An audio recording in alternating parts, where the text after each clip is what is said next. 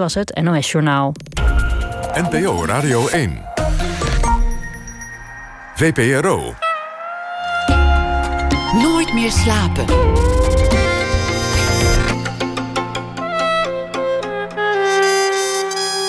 Met Pieter van der Wielen. Goedenacht en welkom bij Nooit meer slapen. Mijn gast komend uur speelde met vele beroemdheden. Chaka Khan, Mavis Staples, Prince, Van Morrison, Lionel Richie, Beyoncé. Ik kan het ook omdraaien. Die beroemdheden speelden met haar. Want zij is de bekendste saxofoniste ter wereld. En vorige maand kreeg Candy Dulfer dan ook de Edison Oeuvreprijs uitgereikt. Zoals de titel al suggereert, een prijs voor haar hele oeuvre. En er staan gelukkig weer optredens gepland. Veel optredens in Zwitserland, Duitsland, Oostenrijk, Nederland, de VS. Het wordt weer een leuke tijd voor de boeg. Candy Dulfer is hier, geboren in 1969 en ze brak wereldwijd door op haar zeventiende. Candy, welkom. Wat leuk dat je er bent. nou, het is mondvol. Ja, dankjewel. Hoe, hoe gaat het met je en hoe, heb je, hoe ben je deze tijd doorgekomen, de, de twee jaar die achter ons liggen? Ja, nou ja, ik vind het allemaal zo gek. Het is soms alsof het niet gebeurd is, dan weer wel heel erg. Het ging toch eigenlijk ook wel weer snel op een of andere manier.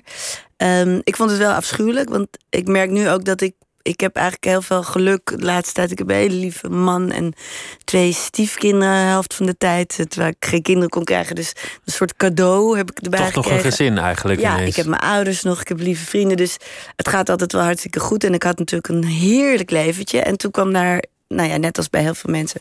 gewoon opeens daar helemaal de klad erin.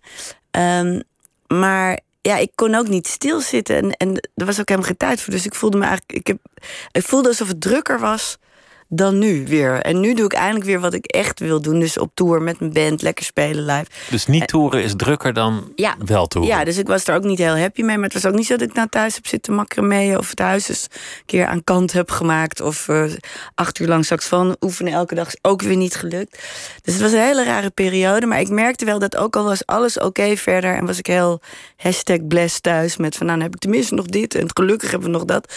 Uh, het feit dat ik niet op het podium kan staan en niet die uitlaat laadklep heb, dat, dat maakte me wel een beetje gek, ja. Dat is eigenlijk twee tegengestelde aspecten van je, van je persoon, lijkt het wel. De huismus ja. aan de ene kant en altijd willen toeren aan de andere kant. Nou ja, omdat ik het zo leuk voor elkaar had. Want ik kon net huismus zijn en dan op het moment dat ik daar genoeg van had, ging ik op tournee uh, rock'n'roll leven. En als ik dan genoeg had van het rock'n'roll leven, kwam ik net thuis. Dat werd allemaal voor mij lekker bepaald. Van, uh, ik weet ook niet hoe, maar... En die overgang kon je elke keer managen? Ja, dat is, ja zo ben ik ook opgegroeid uh, thuis. Weet je, Hans en Inge waren ook zo. Ze kwamen allebei uit toch een beetje verschillende gezinnen... maar wel allebei vrij burgerlijk. Dus dat die kant ook goed moest zijn. En daar hadden ze geen afkeer tegen, weet je. Dus het moest ook thuis gezellig zijn. Lekker eten, warm bed, net huis, gezellig ingericht.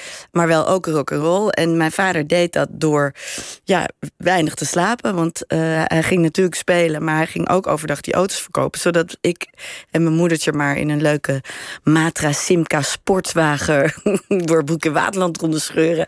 En niet zoals al die andere jazzmuzikanten driehoog achter in West met een lekkend dak moesten zitten. Weet je, hij, hij wilde dat gewoon niet. Een gezellig huis, een warm huis en een mooi gezin. Ja. Was, het, was het gelijk verdeeld over je ouders eigenlijk? De uitvliegerigheid en de huismusserigheid? Uh, ja, ik denk dat mijn, mijn ouders zijn zo vroeg bij elkaar gekomen. Hè. Ze waren geloof ik 15 of 16 uh, toen ze met elkaar gingen en nog steeds. Dus die hebben dat. Ja, mijn moeder hield daarvan. Die kwam uit een gezin waar het best wel gezellig was. En waar mensen ook hielden van leuke dingen en gezelligheid. Veel mensen over de vloer. En mijn vader kwam juist uit een gezin waar die zich wel uit wilde ontworstelen. Maar ja, die hield van inderdaad de rock'n'roll, de jazz, naar buiten gaan. En mijn moeder vond dat enig, dus die ging altijd mee. Dus ja, dat was ook heel duidelijk een, uh, hun, hun lust en hun leven. En dat is het mijne ook. Gewoon proberen overdag een heel leuk leven te hebben met alles erop en aan. En dan s'avonds ook nog. En niet genoegen nemen uh, met de ene of het ander. Maar daar moet je wel voor vechten. Daar moet je dus minder voor slapen, altijd stress voor hebben en hard werken. En als het linksom niet gaat, rechtsom niet gaat. En zo zat ik dus ook in de lockdown. Dingen te regelen. Één, ja, ik buffelen. Ging, ja, ik ging eerst iedereen rallyen. Allemaal mensen mails gestuurd van pas op, dit is nog niet voorbij. En ze gaan ons niet betalen. Ik heb helemaal gelijk gekregen. Maar het haalde ook helemaal niets uit.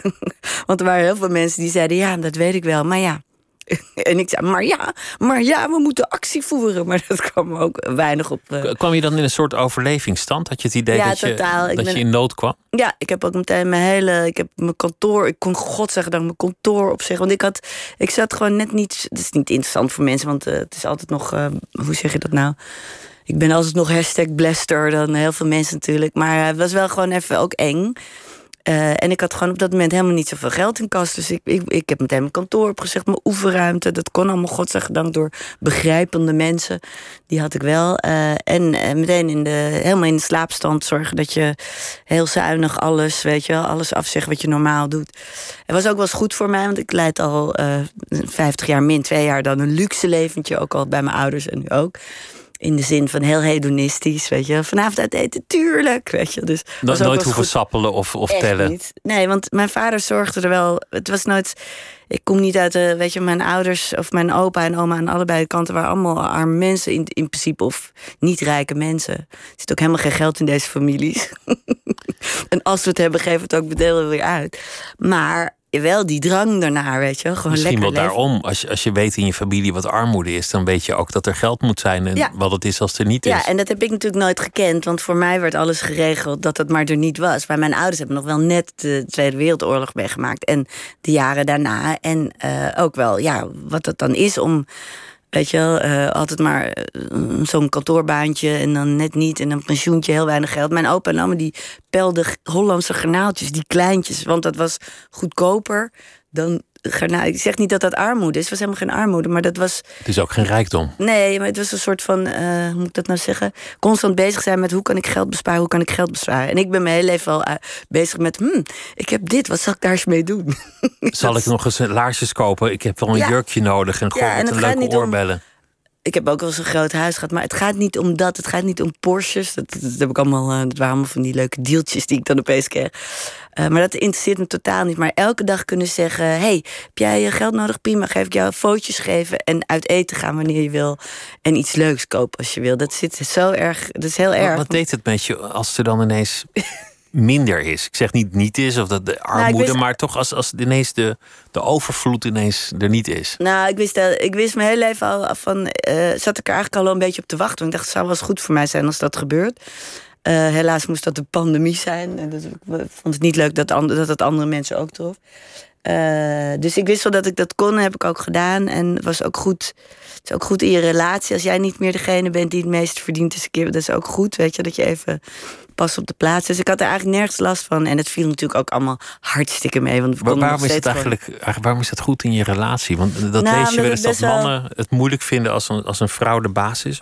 Ja, dat sowieso. Eh, nee, maar het is gewoon wel eens goed om. eh, ik denk dat niet eens man of vrouw, maar het goed is om te weten eh, de andere kant even mee te maken. Dus om niet te kunnen beslissen van. eh, want ik ben altijd van. nou, vanavond gaan we uit eten of zo. Of, kopen we even daar wat. En als de ander dan zegt. Nou ja, maar we hebben, voor, we hebben niet zoveel geld nu. Dan, dan overrule ik dat. Ja, maar kom op. We leven maar één keer. Dat, dat zeggen de dulvertjes elke dag. Je leeft maar één keer. En. het is heel goed als iemand dan, als je in de positie bent van ja, leuk dat je dat zegt. Maar ik heb echt even geen geld, dus ik kan niet meedoen. Weet je, dat, dat is goed om even mee te maken. Maar het is allemaal heel relatief, hè? moet u maar weten. Nee, maar goed, Het slaat natuurlijk nergens op. We hebben Het gaat vandaag over dag jou. in de kou gezeten. Maar ja, en ik maakte, wat ik wel heel veel vond ook eh, van de afgelopen tijd, is dat ik niemand kon helpen. Want dat, dat is mijn grootste. Dat heb ik van Hans. Dat vinden wij fijn dat we dan. En dat sla, we, we houden je, je niet bent van. ook, ook natuurlijk een soort van werkgever. Ja, natuurlijk. En ik had altijd gedacht, nou, als er ooit iets met mijn mensen gebeurt, weet je, ik verzeker ze ook tot hier. Ik betaal het hele hoge prijs. Ik wil dat iedereen verzorgd is om mij heen. Eh, als wij op tour gaan, ik betaal het eten, drinken, de drankjes in de bar. Ik wil dat iedereen het fijn heeft bij mij. Dat is echt wel een ding. En dat heb ik gewoon van Hans en Inge overgenomen. Eh, maar nu kon ik dat dus echt niet. Ik kon niet eens een paar mensen een paar duizend euro geven. Dat ging gewoon niet. Ik moest zo oppassen. Ook omdat ik zelf mensen in dienst had. Die, ja, waar ook een ZZP'er. Dus niet in dienst, maar moet je dan zeggen doei. Dat, weet je, dat zei dan iedereen. Ja, dat moet je dan maar stoppen. Want, eh, en zei ik, ja, dat kan toch niet? Je kan toch niet je beste vrienden, waar je al 15 jaar mee werkt, zeggen: Ja, sorry, ga nu maar even van de wind leven. Dat gaat toch niet? Dus ik probeerde maar alles eh, vast te houden. Maar ik kon dus niet die grote helper zijn die ik altijd had gedacht. En dat maakte me wel razend af en toe. Een heel, eh, ja. En het gewoon dat je geen uitlaatklep hebt, dat vond ik heel moeilijk. Om, om niet op dat podium te staan. Nee, dat je even die aandacht krijgt, weet je wel. Ik, ik, nu Het ging ik dan wat, ja, ging dan zeggen, kijk, ik heb het hele bed opgemaakt. Raar dat er niemand zo staat. Of, eh, ik heb zo- sorry, ik heb Waardering is verslavend, hè? Nou, tuurlijk. Maar dat wist ik al hoor. Dat is niet een. eh, Is dat, is dat eigenlijk, als, als je altijd het voortouw moet nemen, altijd de energie moet, moet, moet aanbrengen, wat je in je werk toch wel doet? Want je bent dan de bandleider, de werkgever, degene die, die het paard tre- vooruit trekt. En dat je dan thuis misschien ook een soort huismus wil zijn en misschien ook wel eens getroost wil worden. Zijn, Ja, zijn dat nou, twee dat rollen in je leven? Werkt dat makkelijk? Ja, dat, dat als je de juiste partner hebt, die heb ik nu. eh, dat ging heel goed. Want ik heb nu iemand die ik zie op elke weg team beren. En ik ben altijd op. Ik sta altijd in de. Zeg je dat? De paniekmodus van. Stel je voor, dat kan. Zelfs als ik sta op te treden, dan kijk ik al de hele zaal rond. Eh, Wij zien ook altijd alles. Dat heeft Hans ook. Wij zien al een vechtpartij voordat hij ooit is begonnen. Weet je? Dus wij zijn super alert. Als ik slaap en, en de kucht een muis drie huizen verder in eh, Oost, dan zit ik rechtop in mijn bed. Weet je? Ik, en ik kan ook niet tegen mensen die bijvoorbeeld heel diep slapen. Vind ik dat heel irritant. Dan denk ik, je weet nooit, er kan gevaar zijn. Hoe kan je nou zo diep liggen te En slapen? dan slaap jij overal doorheen. Ja, Kan je niet maken. nee, dus dat is een, dat is een defect aan mijzelf, hoor, dat weet ik wel. Maar dat heb ik dus van eh, mijn vader. Ehm, maar waarom zeg ik dat nou eigenlijk? Nou ja, dat. Nou, ik eh, was benieuwd hoe dat nu in ik dus relaties een partner is. die gewoon de hele corona geen één keer in paniek is geraakt. Terwijl zij aan de baan ook heel erg op de tocht stond, leek het wel. En ook, ja, die, zei- die zei. Nou, ik heb het idee dat het goed komt, zei hij in maart. eh, 2020, weet je wel. En ik zat alleen maar, "Hé, we gaan er allemaal aan. dus het is echt heel fijn als je zo iemand he- hebt. En, en hij heeft dus twee zoontjes, die relativeerden natuurlijk ook de hele situatie. En het waren godzijdank in dit geval twee kinderen die het echt niet erg vonden de hele dag binnen te zitten. Om lekker tv of op hun schermpjes te kijken of met ons te hangen. Want dat was natuurlijk afschuwelijk kinderen die lekker naar buiten wilden. Maar deze hoefde gelukkig niet, net als ik vroeger. Ik zat ook Dus- alleen dus maar ook binnen wel- met een boekje. Ook wel knus eigenlijk. eigenlijk Ja, die waren dolblij. Die waren eindelijk hadden ze, eh, eh, zeg maar, hun ouders. Nou, hun moeder moest alweer vrij snel aan het werk. Maar die hadden ze dan eindelijk eens voor zich. Dat is natuurlijk ook iets van gescheiden ouders. En alle ouders tegenwoordig die allemaal moeten werken. ehm, wat ook prima is. Maar ja, die kinderen waren helemaal dol enthousiast. Ik, ik las trouwens dat het een werkwoord is. Catastroferen. Oh, dat- nou, dat- dat- dat- daar zit ik op. Catastroferen is, is dus als, als je dan, eh, ja, weet ik veel, je hebt een lekke band. En dan zeg je, oh ja, de wegenwacht zal wel weer niet opnemen. En mijn reserveband zal het ook wel niet doen. Ja. En niemand gaat stoppen als ik straks ga liften. En ik ga hier de hele nacht staan en ik ga omkomen van de honger. Ja, Dat is catastroferen. Dat is ja een nou, prachtig dat, dat, werkwoord. Daar zit ik al jaren op. En het geeft me ook gezocht. kracht hoor. Want ik ik bedoel, ik, ik lach er zelf om en ik weet het ook heus heel goed. Maar het geeft je ook wel de kracht om heel erg vooruit te denken. Om, om situaties van tevoren in te schatten. En te zeggen, ja, maar wacht maar, die komt straks helemaal niet. En dan heb ik tenminste nog dit in mijn zak. En dan kunnen we nog daarheen. Eh, en dat, eh wij hadden ook, dat moest ik laatst best denken. Wij hadden als een van de eerste in, in ieder geval ons dorp eh, mobiele telefoons. Omdat Hans een keer s'nachts na een optreden op de afsluitdijk pech kreeg. En het was een zomeravond, hele zwoele zomeravond. Maar hij moest zo lang op de ANWB wachten in zijn Hawaii hemdje... waar hij net in gespeeld had, doorweekt van zweet... dat hij helemaal de, de bibberkou kreeg. En toen kwam hij de volgende dag met die hele grote telefoon zijn. Hier, Ing, ken die jij ook een? Want dit mag ons nooit meer gebeuren. En dat soort, ja, dat sloeg natuurlijk nergens op. Want, want relatief gezien was de kans vrij klein dat ons dat ook een keer zou overkomen. En in die tijd had je op de afsluitdijk nog helemaal geen bereik. Bij Nee, mij ook weten. niet, maar... Nog steeds niet volgens Maar dat mij. zat er heel erg in. En, eh, maar het is heerlijk om een partner te hebben, een vriend. Die dus bij alles. eh, nee joh. En die ook. eh, ik heb ook wel met dingen gegooid. Het zit helemaal niet in mijn aard. Maar af en toe werd ik zo gefrustreerd. Dan, ging er opeens. Dus, en hoorde die beneden. Bom, de bom in de slaapkamer. Wat doe je? Nee, niks. Dan was ik even heel boos op alles. Dus eh, ja, ik, eh, ik, het is maar goed dat ik weer aan het werk ben. Dat is toch beter. En je hebt een oeuvreprijs eh, gewonnen. Ja, dat was wel even heel onverwachts. soort van heel mooi iets. Heel aardig, allemaal heel lief. Dat Heb, je- heb je er wel eens erover gedacht als een oeuvre? Is er wel eens een moment geweest in, in jouw carrière dat je terugkeek en dacht: Goh, dit heb ik allemaal gedaan en zo lang loop ik al mee en ik zit al zo lang in dit vak? Is, heb, heb je ooit op die manier teruggekeken? Ja, maar ik vind altijd. Het, klinkt een beetje zweverig, maar ik vind mijn oeuvre zijn niet mijn platen. Dus ik zou mezelf ook nooit voor mijn platen, ook al zitten er hele mooie dingen bij, en dan moet ik Ulco niet eh, en Thomas en nog anderen die eraan gewerkt hebben eh, niet, Dus eh, er staat echt doen. zo'n galerijtje op je site van, van, je, van je oeuvre. Ja, maar dat is niet mijn oeuvre in mijn hoofd. Mijn oeuvre is een soort ja, dus eigenlijk meer lucht. eh, in de zin van, eh, eh, hoe zeg je dat nou? Ja, lucht is Het letterlijk zweeft wat, in de lucht, weet je? wat dat uit je toeter komt ook. Ja, wat aan de toeter komt, wat, wat ik doe, wat ik gedaan heb voor andere mensen.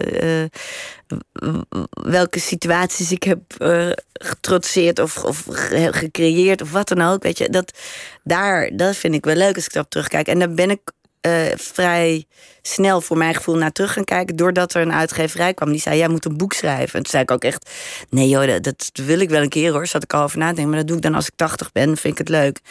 Ik zeg: Ik heb nu nog niet te vertellen. En toen ging de uitgeverij alles aan mij opnoemen. Toen dacht ik: Ja, misschien toch al wel iets. Er zijn toch wel wat verhalen te vertellen. Ja, en toen ben ik in, in met, in een interviewvorm begonnen met het boek met uh, Lily Oost. En die ging mij dan dingen vragen. En toen ja, dacht ik, oh ja, oh god ja. Want heel raar, mijn moeder heeft een fantastisch geheugen. Die weet alles nog.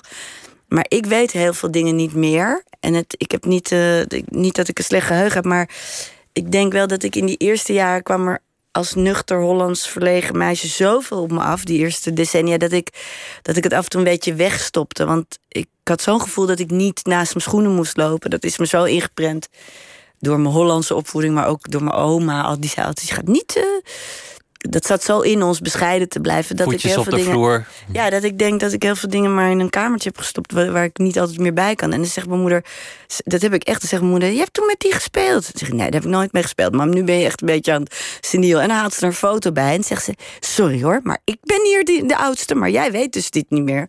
En ik, oh ja, en dan komt het ook, sorry, in alle geuren en kleuren weer terug. Maar ik heb daar echt heel veel dingen. Ik vond het gewoon allemaal te mooi. Ik vond ik dat niet meteen zo verdiende in het, begin. Het, het, het, wonderlijke is dat je, dat je beschrijft dat je eigenlijk niet, of meestal niet, meteen ja zei. Dat je, dat je eigenlijk best wel, nou ja, je noemt het nu verlegenheid. Maar bijvoorbeeld als, als je, dan ben je echt heel jong. En dan wilt je grote held Madonna, of althans de organisatie van wil je in het voorprogramma van Madonna. En dan is je eerste reactie nee. Nee, want dan zat ik ook. Ik, dus ik mijn moeder nam op. En dus, dat heb ik, beschrijf ik ook. Ik heb een theatershow waar ik dit ook aansta. Omdat ik het zo belangrijk vind dat mensen niet altijd. Je krijgt de hele tijd maar via de media altijd mensen die succesvol zijn of die iets bereikt hebben. Dat dat vanaf het begin al duidelijk was. Dat ze altijd al precies wisten waar ze naartoe moesten. Dat hoeft helemaal niet. Ik, ik wilde niks. Ik wilde alleen maar om tafel zitten. Ik wilde een vriendje. En ik wilde. Ja, oké, als ik dan stond te spelen, dacht ik, ja, dit is te gek. En dan met mijn eigen band, als ik het zelf kan controleren, dat er niemand straks Giant Steps afroept uh, in een moeilijke toonsoort. Maar dat ik zeg wat we gaan spelen vanavond. Ja, dan, en het publiek voor mijn neus, ja, dat wil ik wel mijn hele leven. Dat zag ik ook wel. Maar elke keer kwam er zo'n, werd er zo'n hindernis voor me opgeworpen. Zo, zo zag ik het echt. Madonna. Een obstakel, iets wat je een moest obstakel, trotseren. ja, wat ik dan weer overheen moest. En dat wilde ik niet. En dan, dus ik zei dan heel vaak, mam, ik wil niet. En, die, en mijn moeder luisterde wel heel erg naar mij, hoor. Ze heeft me nooit iets tot iets gedwongen. Ze was juist een hele... Ja, ze stond helemaal achter mij. Maar die avond zei ze, zei ik, mam, ik doe het niet hoor. En toen zei ze dus, hartstikke leuk hoor. Candy komt, ze vindt het heel leuk. Toen legde ze snel de telefoon neer. En zette jou daarbij voor het blok op dat ja, moment. maar heel goed. En zo heb ik altijd mensen om me heen gehad... die me constant voor het blok zetten, maar op een liefdevolle manier. En ja, waar ik natuurlijk... Daardoor ben ik overal gekomen. Maar als, het, als ik dat zelf had moeten doen... ik was helemaal niet, niet ambitieus in die zin. Wel ambitieus en als ik er dan eenmaal was... of als ik eenmaal iets had... dan moest dat ook heel goed zijn. Maar niet van, hallo, ik ben Candy en ik wil graag dit. Dat is echt helemaal niet. Dus En dat- ook, ook hoe je in aanraking kwam met Dave Stewart, dat was, dat was helemaal niet dat jij het initiatief nam of heel Nee. eager was voor, voor dat optreden of voor, voor die eh, sessie. Nee, dat zei ik ook, want het was dan Tom Hofman, dat was toen mijn vriendje. En die, die kwam een keer binnen en die zei: Heb je nog dat cassettebandje van vorige week van een optreden? En eh, zei ik: Wat moet je daarmee? En eh, ja, moet ik even laten horen, want eh, Ben Verbong, want eh, Dave Stewart gaat een soundtrack doen van de film waar ik in speel. En dan moet jij meespelen. Nou, dan was ik ook echt het huis. Ik ben gek geworden. Dat bandje krijg je niet hoor. En, want het was dan niet goed genoeg. Dat wilde ik dan niet laten horen. Want er staat weer allemaal valse noten in, of weet ik veel. En dan, ja, hij heeft, hij heeft het toch gedaan, stiekem. Hij heeft het toch gegeven. En daar is alles mee gaan rollen.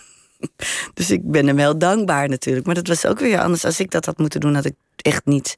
En toen, toen was je 17, klopt dat? Ja, met. Ja. Althans, toen, toen het ja, project 17 begon. of 18, ja. Piepjong.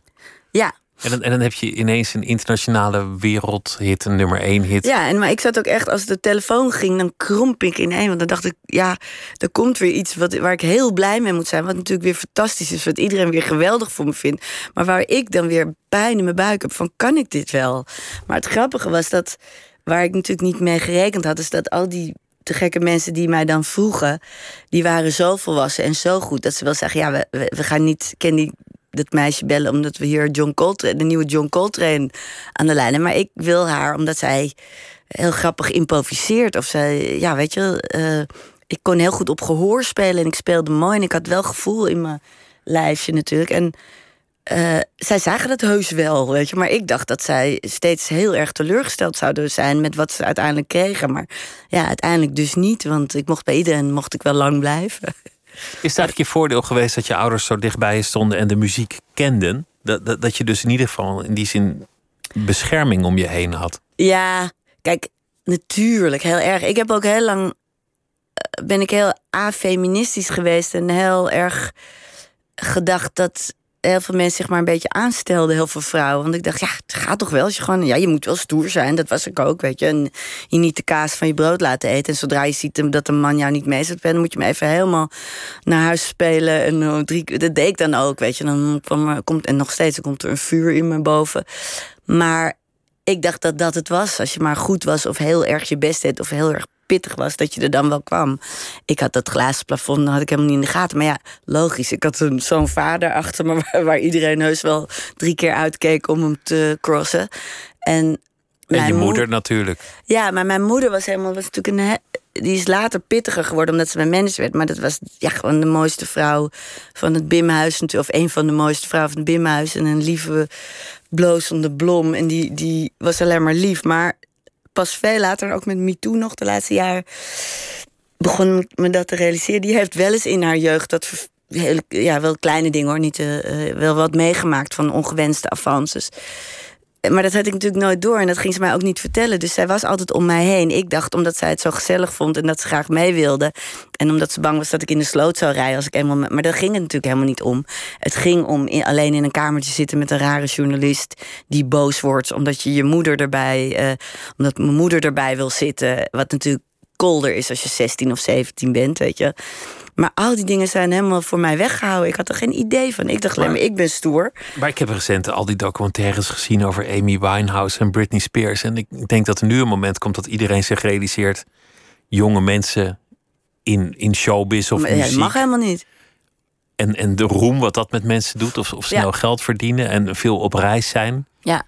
Het, het is eigenlijk gevaarlijk. Ja, het is heel gevaarlijk. En het grappige is dat mijn moeder er dus uh, op die manier heel erg voor mij onzichtbaar toch mee bezig was. Uh, maar toch zonder dat iemand het ook maar vervelend vond, behalve de echte creeps. Die vielen dan snel af en dacht, nou, waarom is die meneer zo boos? Uh, nou, raar. Maar dat was dan echt iemand die had, graag iets had willen proberen, maar die kwam natuurlijk echt niet verder. Um, en aan de andere kant, ja, moet ik zeggen. Mijn, dat vertel ik toevallig als grapje in de theatershow, maar het is wel heel telling. Ik weet nog dat we in Frankfurt stonden op een heel groot festival. Echt leuk, met de Welers voor ons. En uh, weet je, echt dat je daar ook als Nederlandse band staat. En te gek speelden we. En de hele heuvel, de zon scheen. En er stonden echt 10.000 mensen en die vonden ons allemaal te gek. En, en dan kijk, keek ik naar beneden en dan staat daar ja, geen flesje water. Maar als je dan zo'n groot op de, weet je, of een beetje, godverdomme, ik heb nou, ik heb dorst, ik droog, ik helemaal nog zingen zo direct. En waar staan En ik heb geen handdoekje. En dan keek ik om me heen en zat daar, ik geloof, Treintje of wie er toen met was. Die hadden allemaal een flesje. En dan werd ik echt pissig. En dan zei ik, ja, hallo. En dan keek ik zo naar de zijkant van het podium... waar de crew en de dingen staan. Mag ik misschien ook even een flesje water? En dan stond mijn moeder daar met haar armen over elkaar. Flesje water staat in de ijskast. Kan je gewoon gaan pakken hoor. En handdoekjes liggen hier aan de zijkant. Kan je gewoon pakken. en dan moesten we dan altijd heel erg om lachen. Maar ja, dat, heeft natuurlijk wel, dat is wel heel goed voor mij geweest. Ik weet niet of ik het in me had om uh, echt een diva te worden. Ik ben het heus wel een beetje. Want je wordt altijd macht corrumpeert en succes corrumpeert ook. Hè? Je wordt altijd een beetje. Maar het moet ook in je karakter zitten, natuurlijk. Ja, natuurlijk ook. Maar het is wel. Ja, als de hele dag maar iedereen zegt: ja, is prima. Mijn moeder zei gewoon: zeg uh, in de hotelkamer. Want ik zat altijd met mijn moeder op de hotelkamer. Uh, Weet je, vroeger ging ik in de hotelkamer, dan gooide ik alles op de grond en de vuile handdoeken. En uh, mijn moeder ging dan het bed weer opmaken. En, en dat doe ik nu ook als ik wegga. Weet je, geen haar in mijn hoofd die denkt dat ik. Ja, het is wel eens rommelig als ik uit een kamer ga. Maar ja, zij ging me zeggen: Moet je voorstellen dat er straks iemand in die kamer komt. en die ruikt die lucht van twee mensen die daar geslapen hebben. en die moet op de grond dan die lakens nog oppakken. Weet je, dat, dat kreeg ik de hele dag maar over me heen. Tot ik, uh, nou, is een jaar vier geleden gestopt. Met, en we zaten altijd op diezelfde kamer. Dus ik had nooit de kans om helemaal. Om je te misdragen. En, en de neiging tot drank en drugs, die, die heb je van nature niet nee, zo. Nee, die had ik ook niet. Dus uh, uh, mijn moeder dan wel een glaasje hoor, maar dat vond ik dan ook weer heel leuk. Dus, uh, maar dat, ja, dat, dat zat er gewoon niet in. Het was ook grappig en het is ook heel goed geweest, denk ik. Hoe hou je dat eigenlijk leuk als je met een band op tour bent? En ik denk dat jullie, reizen waarschijnlijk met zo'n bus waar je ook in slaapt en, mm. uh, en doucht en eet en dan, dan veel te lang op een snelweg. Nou, douche helaas niet hoor, maar, je slaapt wel heerlijk. Ja, nou ja, daar ga je al douchen. Je hebt natuurlijk gewoon mensen die op een gegeven moment na, na drie maanden Europese tour in de zomer stinken. Ja, nou ja, wij, kijk, we hebben vanaf het begin, en dat kwam ook door mijn moeder. Mijn moeder was heel ouderwets. Die zei: Oké, we kunnen wel op tour gaan, maar we gaan niet drie weken in die bus en niet elke nacht een hotel. Dat kan je mensen niet aandoen, zei ze dan. En dat was voor mij natuurlijk ja, normaal. Totdat ik na vijf jaar andere bands sprak. En die zeiden: uh, Ja, bij ons mag alleen de band uh, een hotel. En dan gaat iedereen bij elkaar op de kamer. En de crew, ja, die moeten maar. En dan zeg ik: Maar hoe lang? Ja, drie weken. Ja, dan gaan we soms stoppen we even bij een camping. Maar wel verdienen hoor. Om te, om te douchen. Ja, en wij vonden gewoon, ook al was het geld op, uh, hadden we geen winst gemaakt. Maar als iedereen een lekker een hotelkamer had waar de lol had en we hadden gespeeld, dan was dat een geslaagde tournee natuurlijk.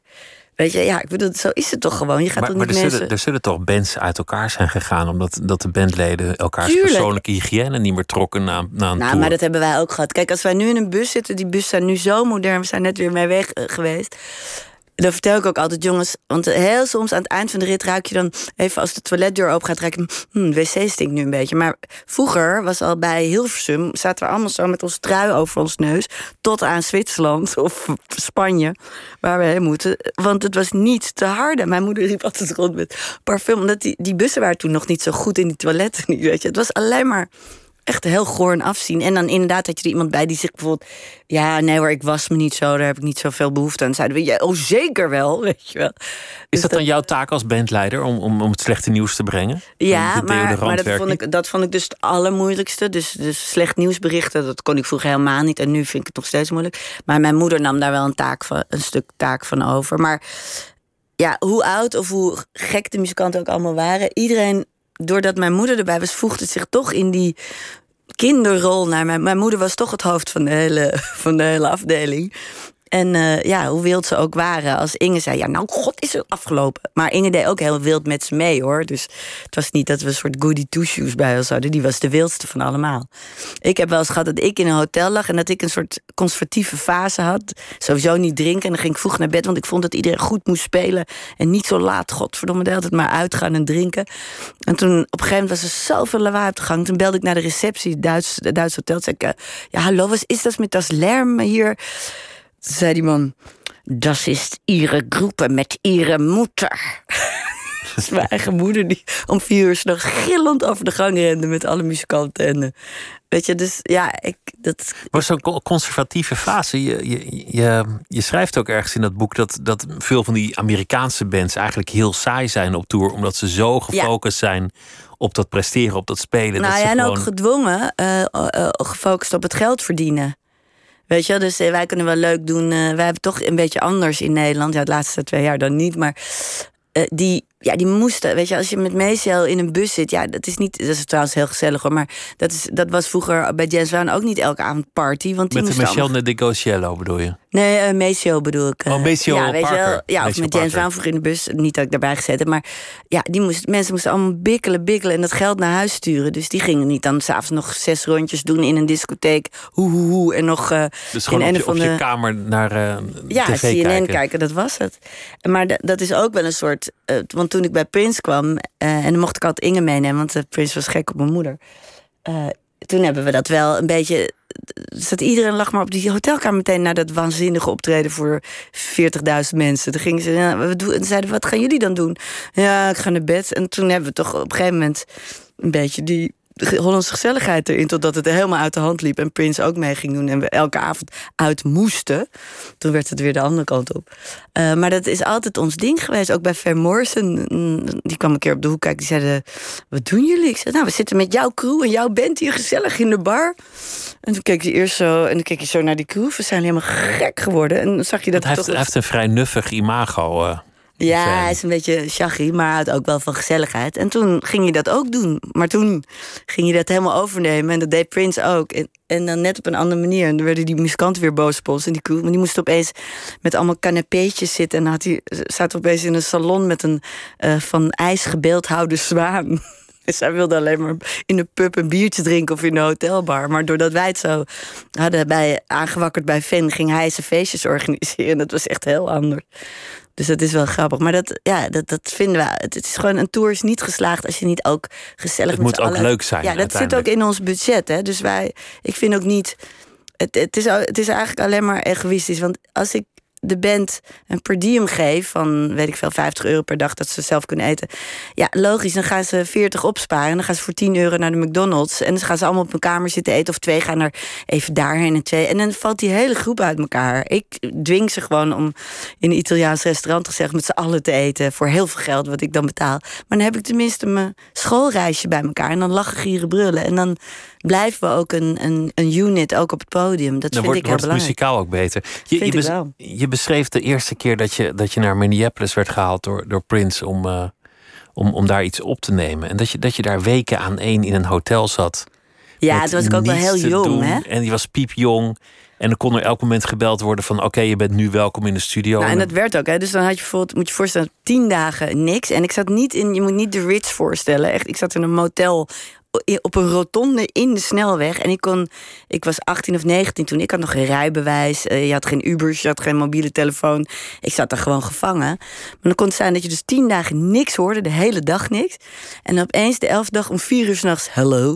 En dan was hij het. En dan moest je opstaan, eh pyjama uit, een koffertje pakken. En dan in een, in een koude taxi naar, naar... Of werd ik gehaald door een van ze blijf wachten en dan, eh, en dan binnenkomen. En dan moest ik opeens sterren van de hemel spelen. En eh, dan weer naar huis. En dan eindeloos in die kamer gewoon maar zitten, wachten. Terwijl, Ja. terwijl hier werd, werd overal geschreven van... nou, die, die, die maakt het, het sterrenleven mee. Ja, en dat was ook wel, maar dat was in hele korte plukjes, weet je. Dan zat ik opeens in Universal Studios, moesten we een clip opnemen. Of eh, zat ik met hem en Kim Basinger in een restaurant. Gingen we naar Branford Marsalis kijken, ik weet het nog zo goed. En later heb ik veel meer met hem meegemaakt. Maar die eerste fase dat ik daar alleen was. Ja, en hij was ook, eh, weet je, hij, was, het was zo'n gentleman. Hij, weet je, hij. eh, later heb ik wel eens gedacht dat er toch momenten zijn geweest dat hij ook wel toenadering wilde. Maar dat hij zag ook van nee, zij is te jong en zij is te bleu ook, weet je. Er waren allemaal meisjes van mijn leeftijd die zich voor zijn voeten wierpen. Maar hij zag echt, hij zag wel dat ik dat echt niet wilde. Dat ik dat ook niet wilde vermengen. Misschien wel omdat, omdat je zo op de muziek georiënteerd was. Ja, dat vond hij ook op heel het grappig. naïeve af dat je, Ja. dat je jezelf ook niet aan zijn voeten wierp op die manier. Nou, hij zag ook heel duidelijk van zij wil de muzikant bij mij in de omgeving zijn. Zij wil bij mij zijn, bij mij leren. Zij heeft geen ander ulterior motive. Want anders had ik wel wat happiger gedaan. eh, op allerlei fronten. Ik wilde gewoon alleen maar. Ik zat alleen maar. Oké, wanneer gaan we spelen? En eh, ik zat alleen maar met hem. Probeerde ik te praten over Fela Kuti. En ik probeerde hem alleen maar af te troeven over muzikanten die hij niet kende. Nou, het waren er heel veel. Dat was heel leuk. Ehm, dus ja, hij zag wel dat ik daar niet op uit was. En, en alle anderen waren natuurlijk uit op ja, of roem of via hem iets. Ze dachten echt dat je dan via hem moest doen. Maar je kon met hem ook gewoon een plaat maken. Zonder dat je met hem naar bed hoeft of wat dan ook. Weet je. Dus ja, dat waren wel bijzondere tijden. Alleen ze waren natuurlijk heel kort. Want dan zat ik er even en dan eh, nou, was het klaar. En ik speelde het ook heel te goed in.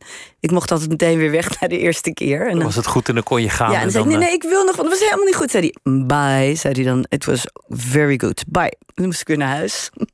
Hoe kijk je daarop terug? Want, want ja, de, de man is er ineens niet meer. Ja, nou ja, ik heb een hele raar, of niet raar, hoe moet ik zeggen, ik heb een hele, het is gewoon heel raar gegaan.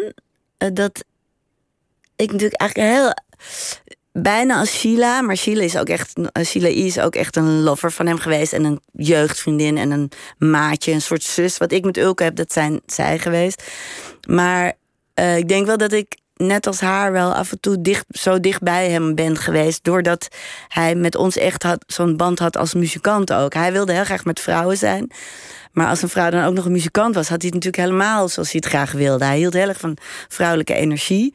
Maar ja, dan waren het alleen maar sterretjes of filmsterren waar die verder niet over muziek kon praten. En met Sheila eh, nou, en met mij hoefde hij bijna niet te praten, maar wij snapten elkaar, weet je. En dat, dat vond hij heel bijzonder. Uh, dus wat dat betreft heb ik een hele nauwe band met hem gehad. Maar ik heb ook, ja, de, ik, ik heb gewoon ruzie met hem gehad. En uh, toen hij in de O2 begon te spelen, toen, zou ik, hadden we net die hele lange tour gedaan. En ik was al een keer naar huis gegaan. En na de eerste periode ben ik tien jaar, heb ik gezegd dat ik even naar huis ging. Ben ik nooit meer teruggegaan. Een briefje gezegd. Het was very nice, but I want to see my family. I see you in a few weeks. Nooit meer teruggegaan. Maar het grappige is dat hij daar ook nooit op gereageerd heeft. Eerst had hij nog een paar keer gebeld. Zijn management van, kom je niet? En nee, nee. Ook nooit boos, nooit beledigd. En toen belde hij na tien jaar weer op. Zei hij, hey, hoi. zei hij, wil je nu wel meedoen? Ik zei, ja. we hebben ook nooit meer over gehad.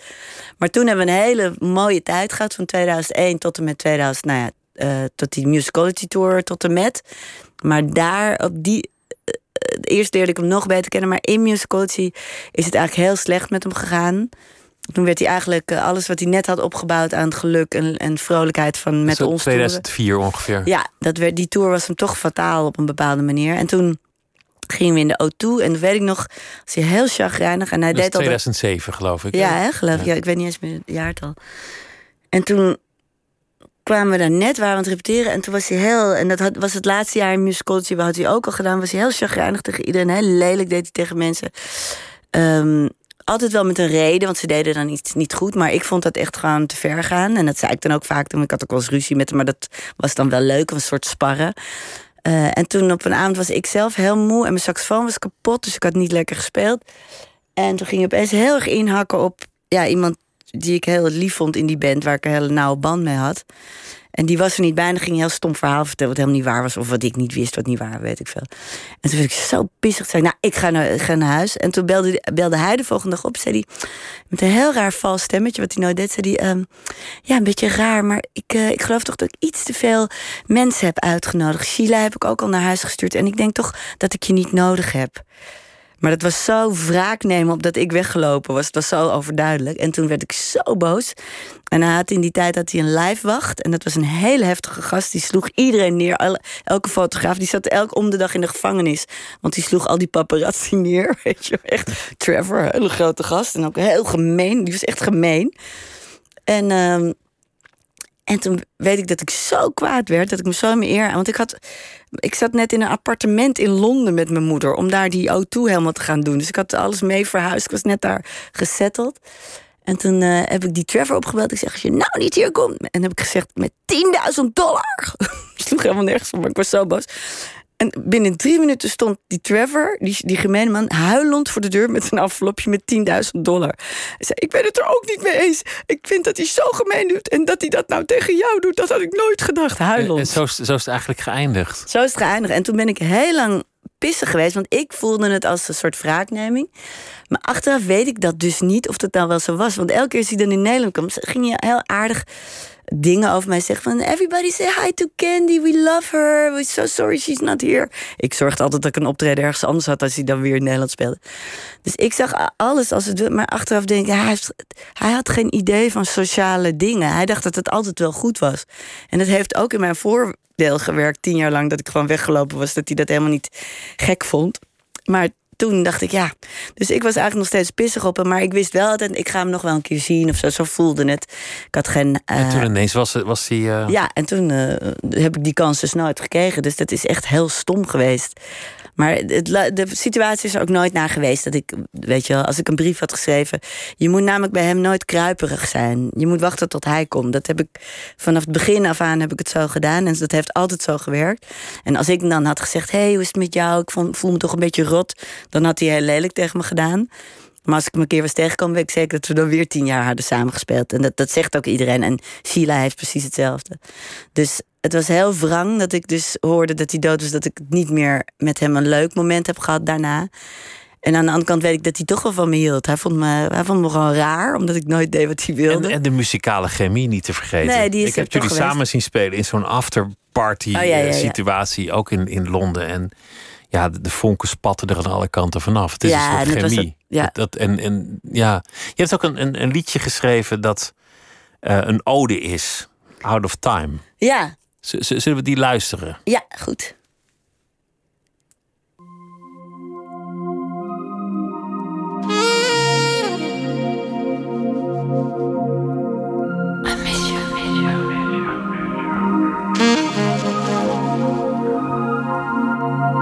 Jody Mitchell has you singing sad, sad songs at night.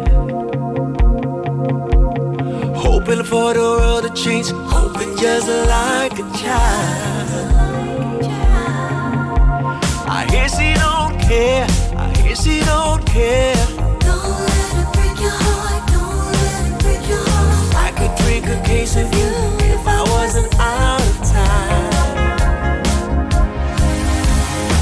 You keep kissing, giving your heart to all them strangers, strangers in the park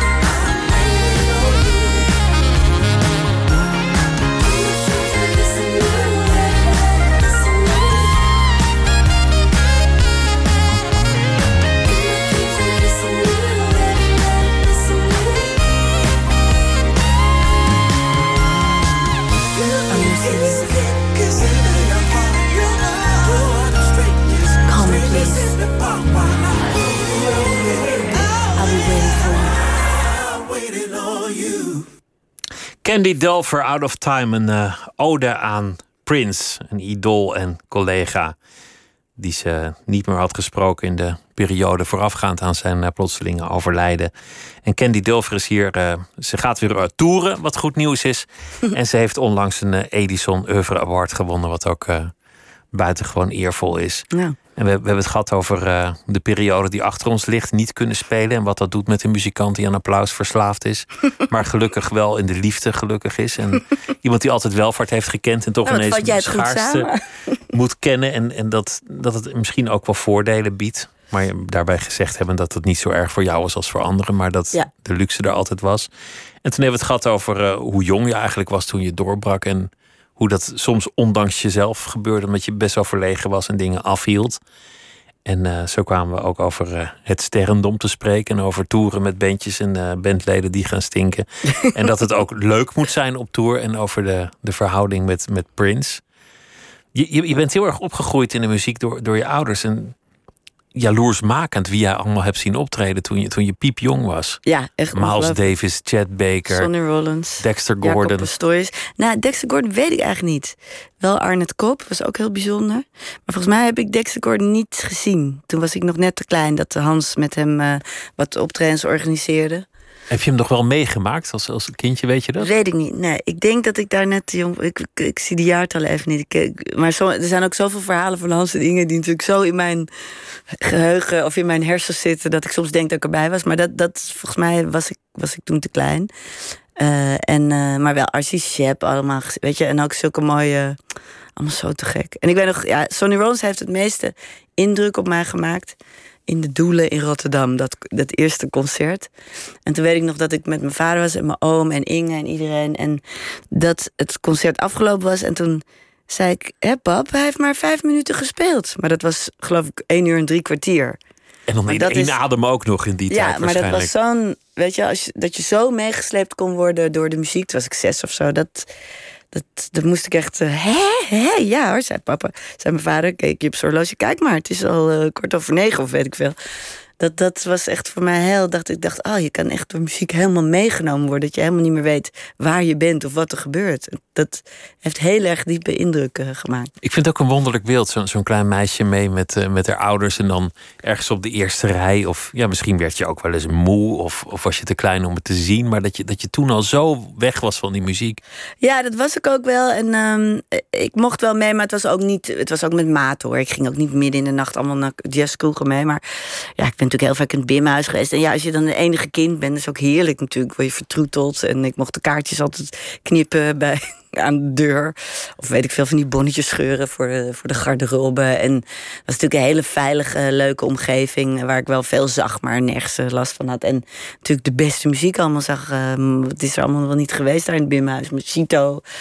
Eh, ja, inderdaad. En dan later op het Noordzee mocht ik ook al zo vroeg rondlopen natuurlijk. En zelf ook meedoen. Ik mocht op mijn twaalfde mocht ik met Rosa King meedoen. Dat was al ongelooflijk. Maar ik mocht ook nog van Paul Arquette met mijn eigen bandje uit Boekenwaardland. Met een paar stoonde jongetjes van 16. En ik was dan de jongste. Own Cultivation heette dat bandje ook. Mochten we in de Faya lobbyzaal ook nog een heel concert geven. En zo. Dat, ik, eh, dat was natuurlijk heerlijk, weet je. Ik was gewoon eh, het troetelkindje van bijna iedereen. En hoe, hoe vond je dat die muzikanten thuiskwamen. En, en de verhouding tussen je vader en de, de jazzwereld? Want dat was bij Vlagen ook wel een moeizame verhouding geweest. Ja, het is een periode. Kijk, het was natuurlijk eerst kon, kon het allemaal niet op en was het te mooi voor woorden. En ik had ook nog eens die andere mooie wereld van mijn vader, die auto's verkocht in Amsterdam Noord. Daar kwam ook een hele leuke wereld, weet je, Een echt Amsterdam Noorders, ja, lekkere Amsterdammers en eh, grappige families en gekke dingen die daar gebeurden. Ehm, dus ik had, eh, er was allemaal zoveel leuks. En dan opa en oma die er altijd maar waren en leuk in een dorpje wonen. En toen, ja, dan is er maar één periode eigenlijk een beetje moeilijk geweest. Dat was inderdaad dat. Eh, en daar is mijn vader eigenlijk sneller uitgekomen dan ik hoor. Ik was nog heel lang boos. Maar dat was het moment dat. eh, en dat heb ik laatst aan Marcus Miller kunnen vertellen. Dat was zo leuk. Dat op een gegeven moment kwam Miles Davis naar het concertgebouw. Zijn comeback. Ik mocht nog niet mee, want ik was te jong. Ik was 12.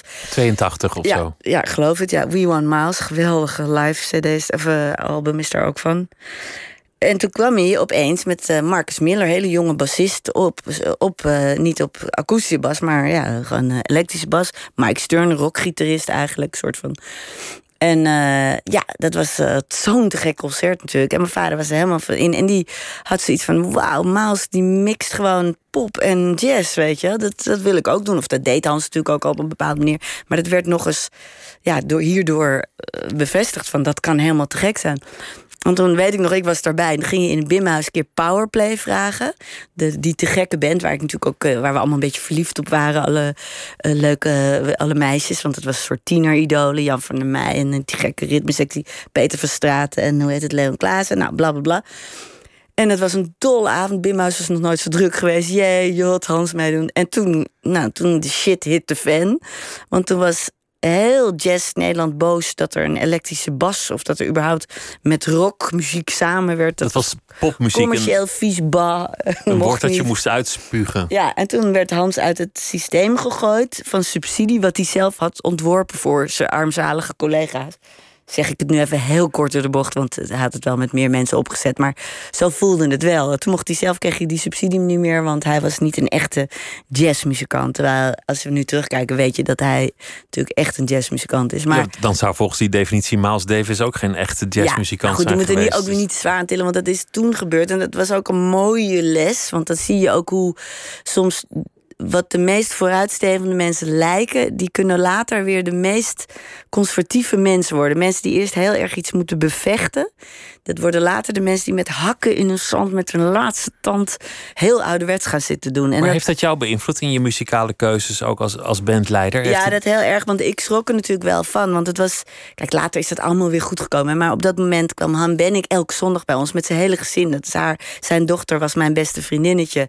Eh, en dat stopte een tijdje. Want Hans ging natuurlijk van de andere kant zo keihard er tegenin. Dat, daar schrok natuurlijk iedereen van. Dus hij, het, weet je, eh, zij waren niet de enige schuldigen. Dat was de ene kant. Dat was maar mening. Maar Hans die pakte ze natuurlijk honderdduizend keer verbaal en in stukjes eh, geschreven. maar dat, heeft op jou indruk gemaakt van hoe die dogmatiek moet je eigenlijk omzeilen als muzikant. Ja, dat zeker. En eh, ik, weet je, vroeger liep ik in het Bimhuis rond en dan zei Leo Kuipers, be- beroemde jazzpianist, zei: Ken die als jij de toonladder van zee kan? Die gaf me altijd een chocomelletje, oom Leo.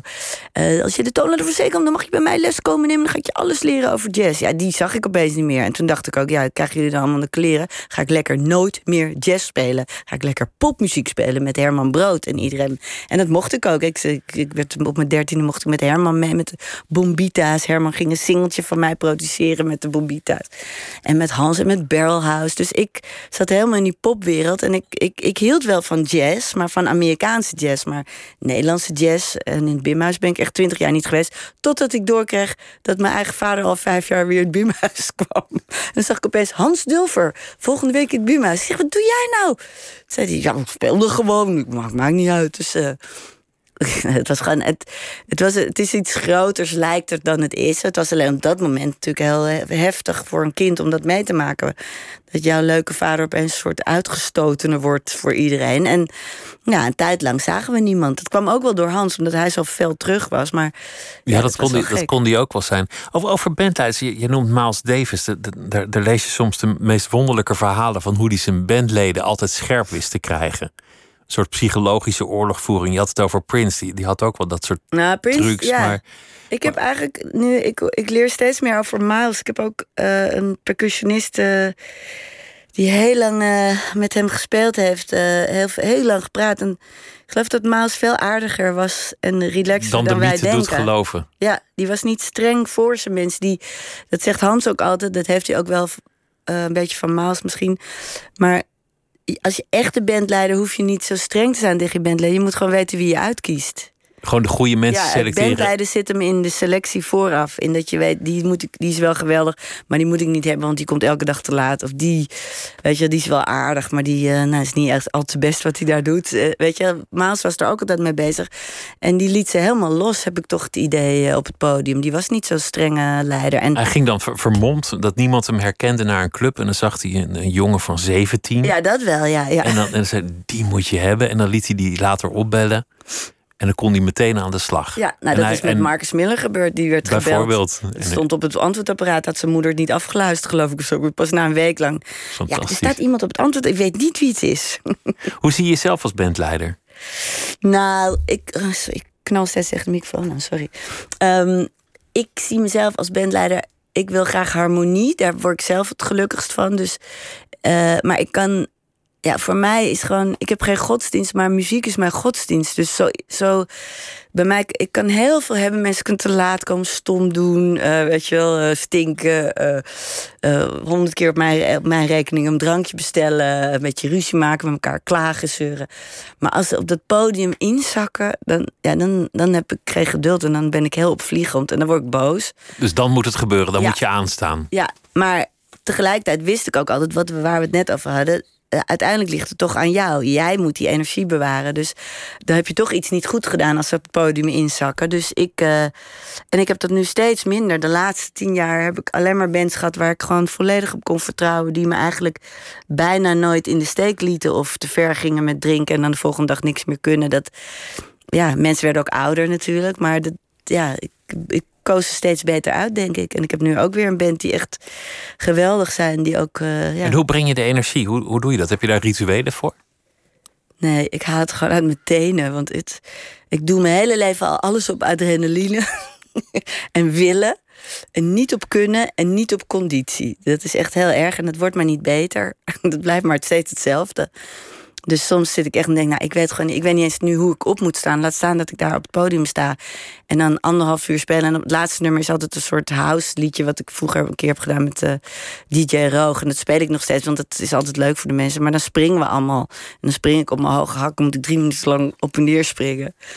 En dat gaat aan het einde eh, perfect altijd. Puur op adrenaline. Ja, ik, kan met, ik denk met een gebroken been het podium op. En dan voel ik het niet, pas daarna. En dat heeft Hans ook. Voordat we gaan spelen voelen we ons verschrikkelijk. En als we klaar zijn voelen we ons geweldig. Dus er zijn ook letterlijk voorbeelden van jazzmuzici die een been hebben gebroken op het Ja, podium. en- Rollins, ja, die, en doorspelen. Ja, geweldig. Liggend op zijn rug in Italië doorgespeeld. Maar dat is, dat is het mooie van muziek. Dat het, het geeft je een soort superpowers die je... Ja, soms wil ik ook wel. Als het echt goed is, wil ik heel erg hoog in de lucht springen. Of ik, doe, ik heb altijd hakken aan, want dat vind ik dan mooier staan of zo. Maar soms heb ik bij een soundcheck wel gimp aan. En dan denk ik altijd, het is maar goed dat ik dat s'avonds niet doe. Want dan zou ik echt hele gekke dingen doen.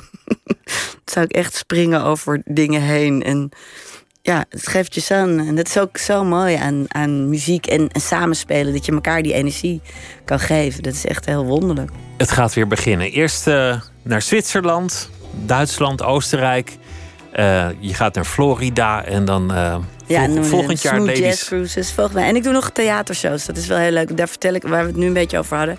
En met muziek hoor. Er zit ook heel veel muziek in. Maar daar doe ik nog een paar van in Nederland over een week of anderhalf volgens mij. En dan volgend jaar weer Ladies of Soul. Komt ja, er ook komt weer aan. weer. Ja, Het was me genoegen. Dankjewel dat je langs wilde komen. nou dankjewel. Dat En veel plezier met het spelen. wilde luisteren. Dankjewel.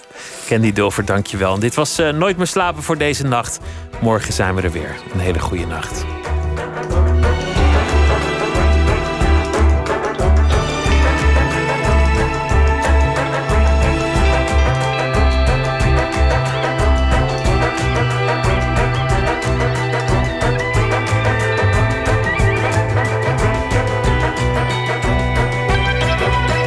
NPO Radio 1. Wie luistert, weet meer.